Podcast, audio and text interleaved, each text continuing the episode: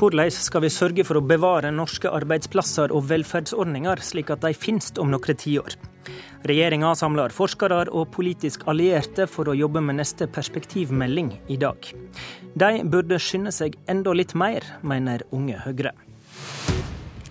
Her i Politisk kvarter får du også høre Miljøpartiet De Grønne sitt syn på det samme perspektivet. MDG legger fram programutkast for neste stortingsperiode i dag. Men aller først skal vi snakke om noen arbeidsplasser som det er håp om å bevare på kort sikt, nemlig de på Rygge. God morgen, statsminister Erna Solberg. I går kom nyheten om at ei investorgruppe ønsker å satse videre med lufthavndrift på Rygge i Østfold, og dermed ta over etter førre selskap som har vedtatt å legge ned flyplassen. Kan det nye selskapet da automatisk ta over de konsesjonene og løyver som trengs for å drive videre en flyplass?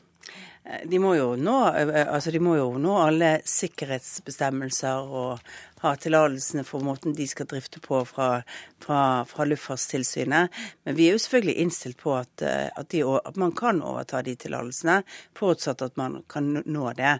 Det, det er aldri noen blankofullmakt, det må gjøres en vurdering. Men det er klart, eh, vi syns det er bra hvis noen andre har lyst til å drive Rygge.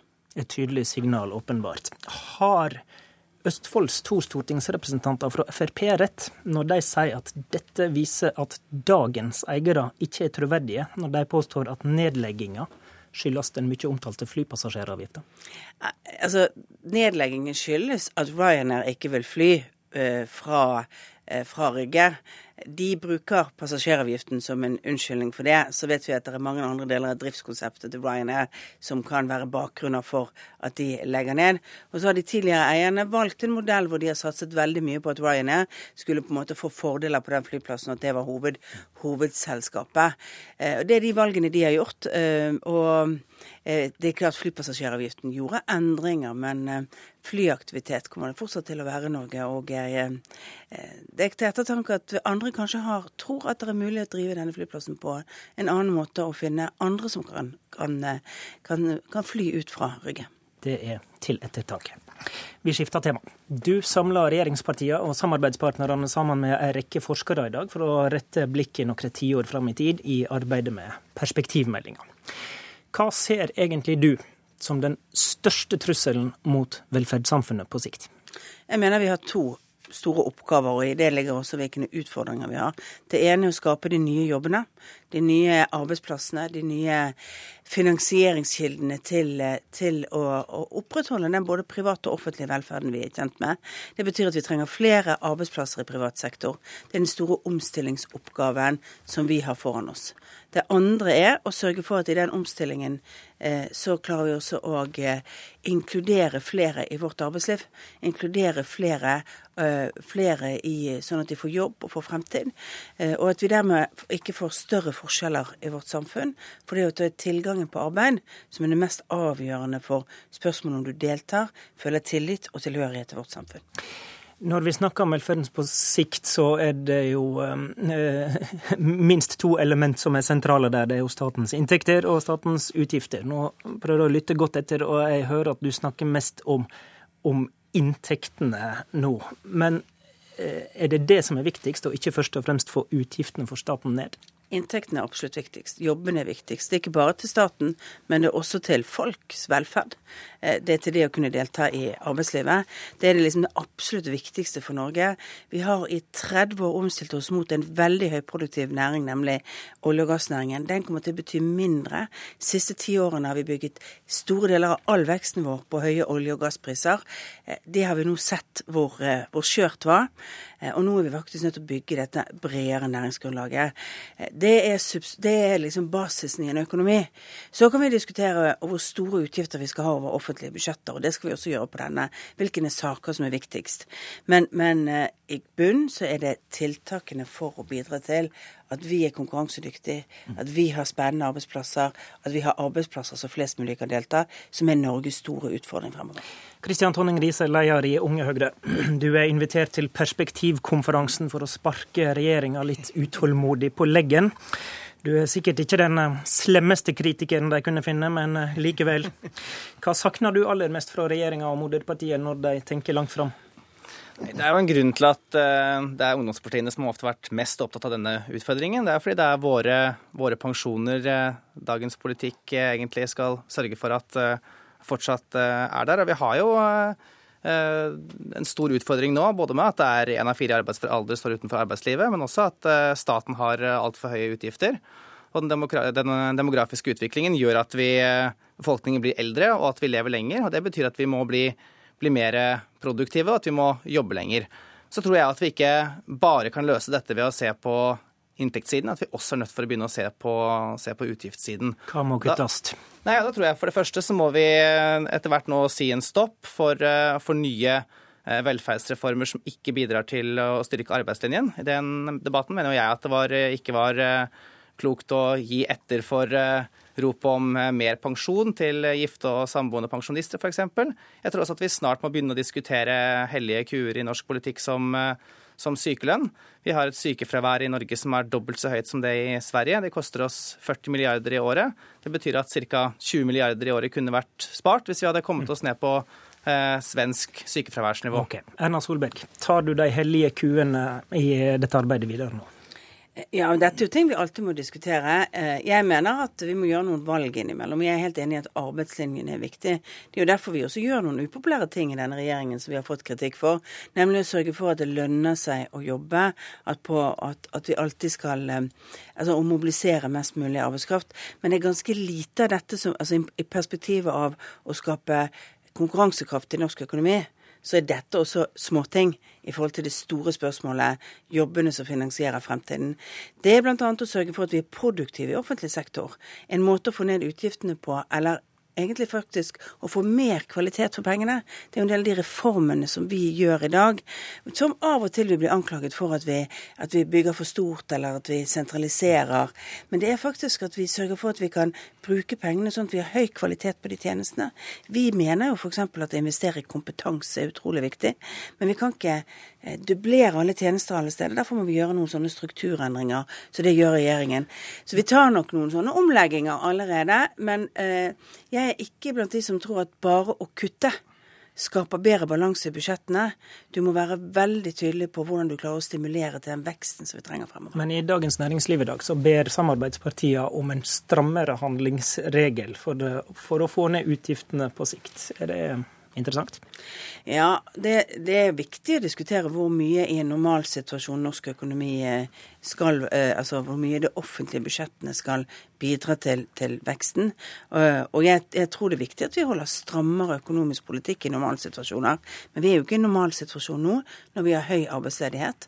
Det er helt naturlig at vi bruker mer oljepenger i denne perioden eh, enn det vi ville gjort hvis vi hadde vært i en situasjon hvor det ikke var arbeidsledighet, det å få, og hvor vi ikke trengte å stimulere veksten direkte uten, at eh, uten den eh, bruken av oljepenger som vi har i, i, årets budsjett, så ville det vært vanskelig å opprettholde særlig positiv vekst i norsk økonomi i det hele tatt. Til eh, begge to, Kristian Tonning Riise først. Er det utenkelig for en Høyre-politiker i framtida å finansiere ny velferd med økte skatteinntekter? Det er klart, hvis når Du har, du må jo balansere inntekter og utgifter. så det er heller, Vi ser jo hvilken utrolig utfordring vi har med å få dette til å, til å, møtes. Så det er klart at vi kan jo heller ikke Vi kan jo utelukke at en gang i fremtiden så kan det bli aktuelt, men jeg mener jo at derfor må vi legge politikken så godt som mulig til rette nå for at vi ikke skal sånn komme i den situasjonen. Og da savner jeg en litt sånn villighet i, i, fra Høyre og regjeringen på å ta tak i en del sånn åpenbart fordyrende ordninger. Og sykelønn er som et veldig illustrerende eksempel eh, på det. Solberg, den førre perspektivmeldinga peker også på det at den materielle veksten for hver enkelt av oss skal kraftig opp. Er det utenkelig å dra inn mer av den i skatteheving for å finansiere fellesskapet? Vi har jo nå faktisk eh, en, en situasjon hvor reallønnen i Norge eh, stopper opp og vokser pga. den økonomiske situasjonen. Den går faktisk litt ned med årets lønnsopp, lønnsoppgjør. Det viser at vi er ganske gode på å tilpasse oss i Norgesituasjonen. Men jeg har ikke noe imot at den private velferden vokser. Det er mange mennesker i Norge mm. som kunne trengt litt bedre økonomisk rom. Men jeg spurte om det var utenkelig på sikt å heve skattene for å eh, finansiere felles velferd? Jeg er veldig opptatt av mer skatteinntekter. Men jeg mener det skal gjøres ved at vi har høyere økonomisk vekst, mer produktive. Ikke nødvendigvis ved at hver enkelt av oss skal betale mer skatt, men hver enkelt av oss må betale mer skatt hvis vi ikke er villige til å gjøre de tiltakene som skal til for å få produktiviteten opp. Gjøre de strukturendringene i Norge. Eller er villige til å stimulere godt nok til at vi får flere private arbeidsplasser i Norge som betaler skatt. Vi sier lykke til på perspektivkonferansen, og takk til Erna Solberg. Og let unge Høyre-lederen sitte videre når vi snakker om MDG sitt programutkast som blir lagt fram i dag. Ingrid Lidan, du er leder i programkomiteen i MDG. Hvordan sørger dere nå for å klare å finansiere en velferdsstat i framtida, når dere vil at oljeinntektene feller bort? Altså, I det programmet som vi legger frem i dag, så er det helt klart det viktigste vi gjør for å bevare fremtida sin velferd, det er å omstille oss bort fra olja. Og jo lenger vi venter med å starte det grønne skiftet, jo dyrere kommer det til å bli. Dette er jo ikke et valg vi har, dette kommer til å skje uansett. Og I programutkastet så lanserer vi over 50 tiltak eh, for et grønt skifte, som handler om å skape et mangfold av nye, varige næringer og arbeidsplasser som ikke truer livsgrunnlaget vårt eller fremtida til dem som kommer etter oss. Ok, Dere vil bevare livsgrunnlaget, men da feller oljeinntektene bort, som har finansiert mye av fellesskapet sine tjenestene i fellesskapet i dette landet? Ja, altså nå er det mange av våre naboland som klarer seg fint uten olja, og det har vi all grunn til å tro at norsk næringsliv og Norge også kommer til å klare. De aller fleste jobber allerede utafor olja. Men vi er nødt til å gjennom et grønt skifte. Det koster mindre å gjøre det nå enn å vente. Men vil dere begrense velferdsutgifter i det nye programmet? Altså, Den store utfordringa politikerne står overfor nå, er jo ikke å finne ut hvor vi skal kutte i velferdsordninga. Eh, den store jobben vi har, er å gjennomføre det grønne skiftet. Og da mm. mener vi at i neste stortingsperiode eh, er ikke tida for å gjøre store utvidelser av velferdsstaten. fordi innsatsen er nødt til å legges andre steder. Ok, Dere sier nei til utviding. og Så vil dere bl.a. behovsprøve barnetrygd, og så har dere en diskusjon om å redusere sykelønn som ikke er konkludert. Hvor ender dere på disse tingene, da, som dreier seg om å kutte i velferdsordninga? Altså, I De Grønne så diskuterer vi alle, eh, alle forslag og alle mulige løsninger. Eh, men som sagt, utfordringa her er jo ikke å finne ut hvor vi skal kutte i velferdsordninga. Utfordringa er å finne ut hvordan vi bevarer velferden for framtida. Kristian Tonning Riise, du er i tillegg til å være ungdomspartileder, så sitter du i Høyres programkomité. Nå har du refsa partilederen lett for eh, framtidsperspektiver. Jeg går ut fra at du er i stand til å kritisere MDGs oppskrift på eh, framtidig politikk eh, også? Ja, sånn, jeg er jo helt enig med MDG i at det selvfølgelig er viktig nå å, å få komme i gang med det grønne skiftet og gjøre noe med klimaendringene nå for å hindre dyre reparasjoner i fremtiden. Problemet er jo at dette er riktig svar på et helt annet spørsmål. For det er jo ikke, det er ikke CO2-utslipp som gjør at vi nå har en eldrebølge foran oss. Det er klart at da kan man ikke, Når vi da står overfor en velferdsstat som, som ikke er bærekraftig, og vi ser at, eh, at, eh, her er vi nødt for å finne både nye inntekter og se, på, og se på utgiftsnivået, så kan ikke svaret på det være at vi skal redusere CO2-utslipp.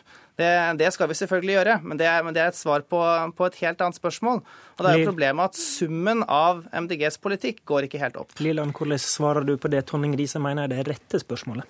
Ja, altså Livsgrunnlaget vårt det er vi nødt til å ha også om vi skal ta vare på velferden og møte eldrebølgen.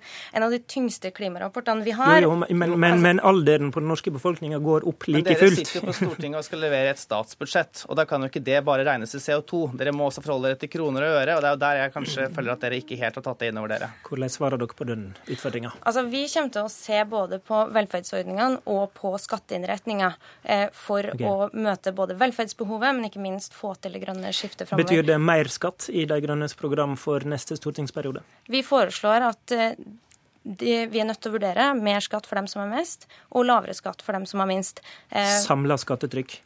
Det er vi nødt til å diskutere. Dere har ikke konkludert Nei, ikke. der. Hvordan ser du Tonning Grise, kort til slutt på Nei, skattesignaler fra MDG? Det her går jo ikke opp. For det første skal dere gjøre det nå dyrere å investere i norsk næringsliv og skape arbeidsplasser. Så ser jeg også at dere skal ha mer ferie. Dere skal ha redusert eh, arbeidstid. Dere skal ha kortere arbeidsuke i det Greit, offentlige. kort, kort Og replikk til Altså, til slutt. Det blir jo ikke, vi blir jo ikke mer Ja, men- produktive av dette. Kort Altså, det er jo nødt til å være mulig å diskutere hva slags samfunn vi ønsker å skape. Og så skal jo det her nemlig skje planlagt og styrt over 20 år, og ikke plutselig når klimaendringene har tatt oss igjen. Takk til, takk til Ingrid Liland og Kristian Tonning Riise. I studio, Håvard Grønli.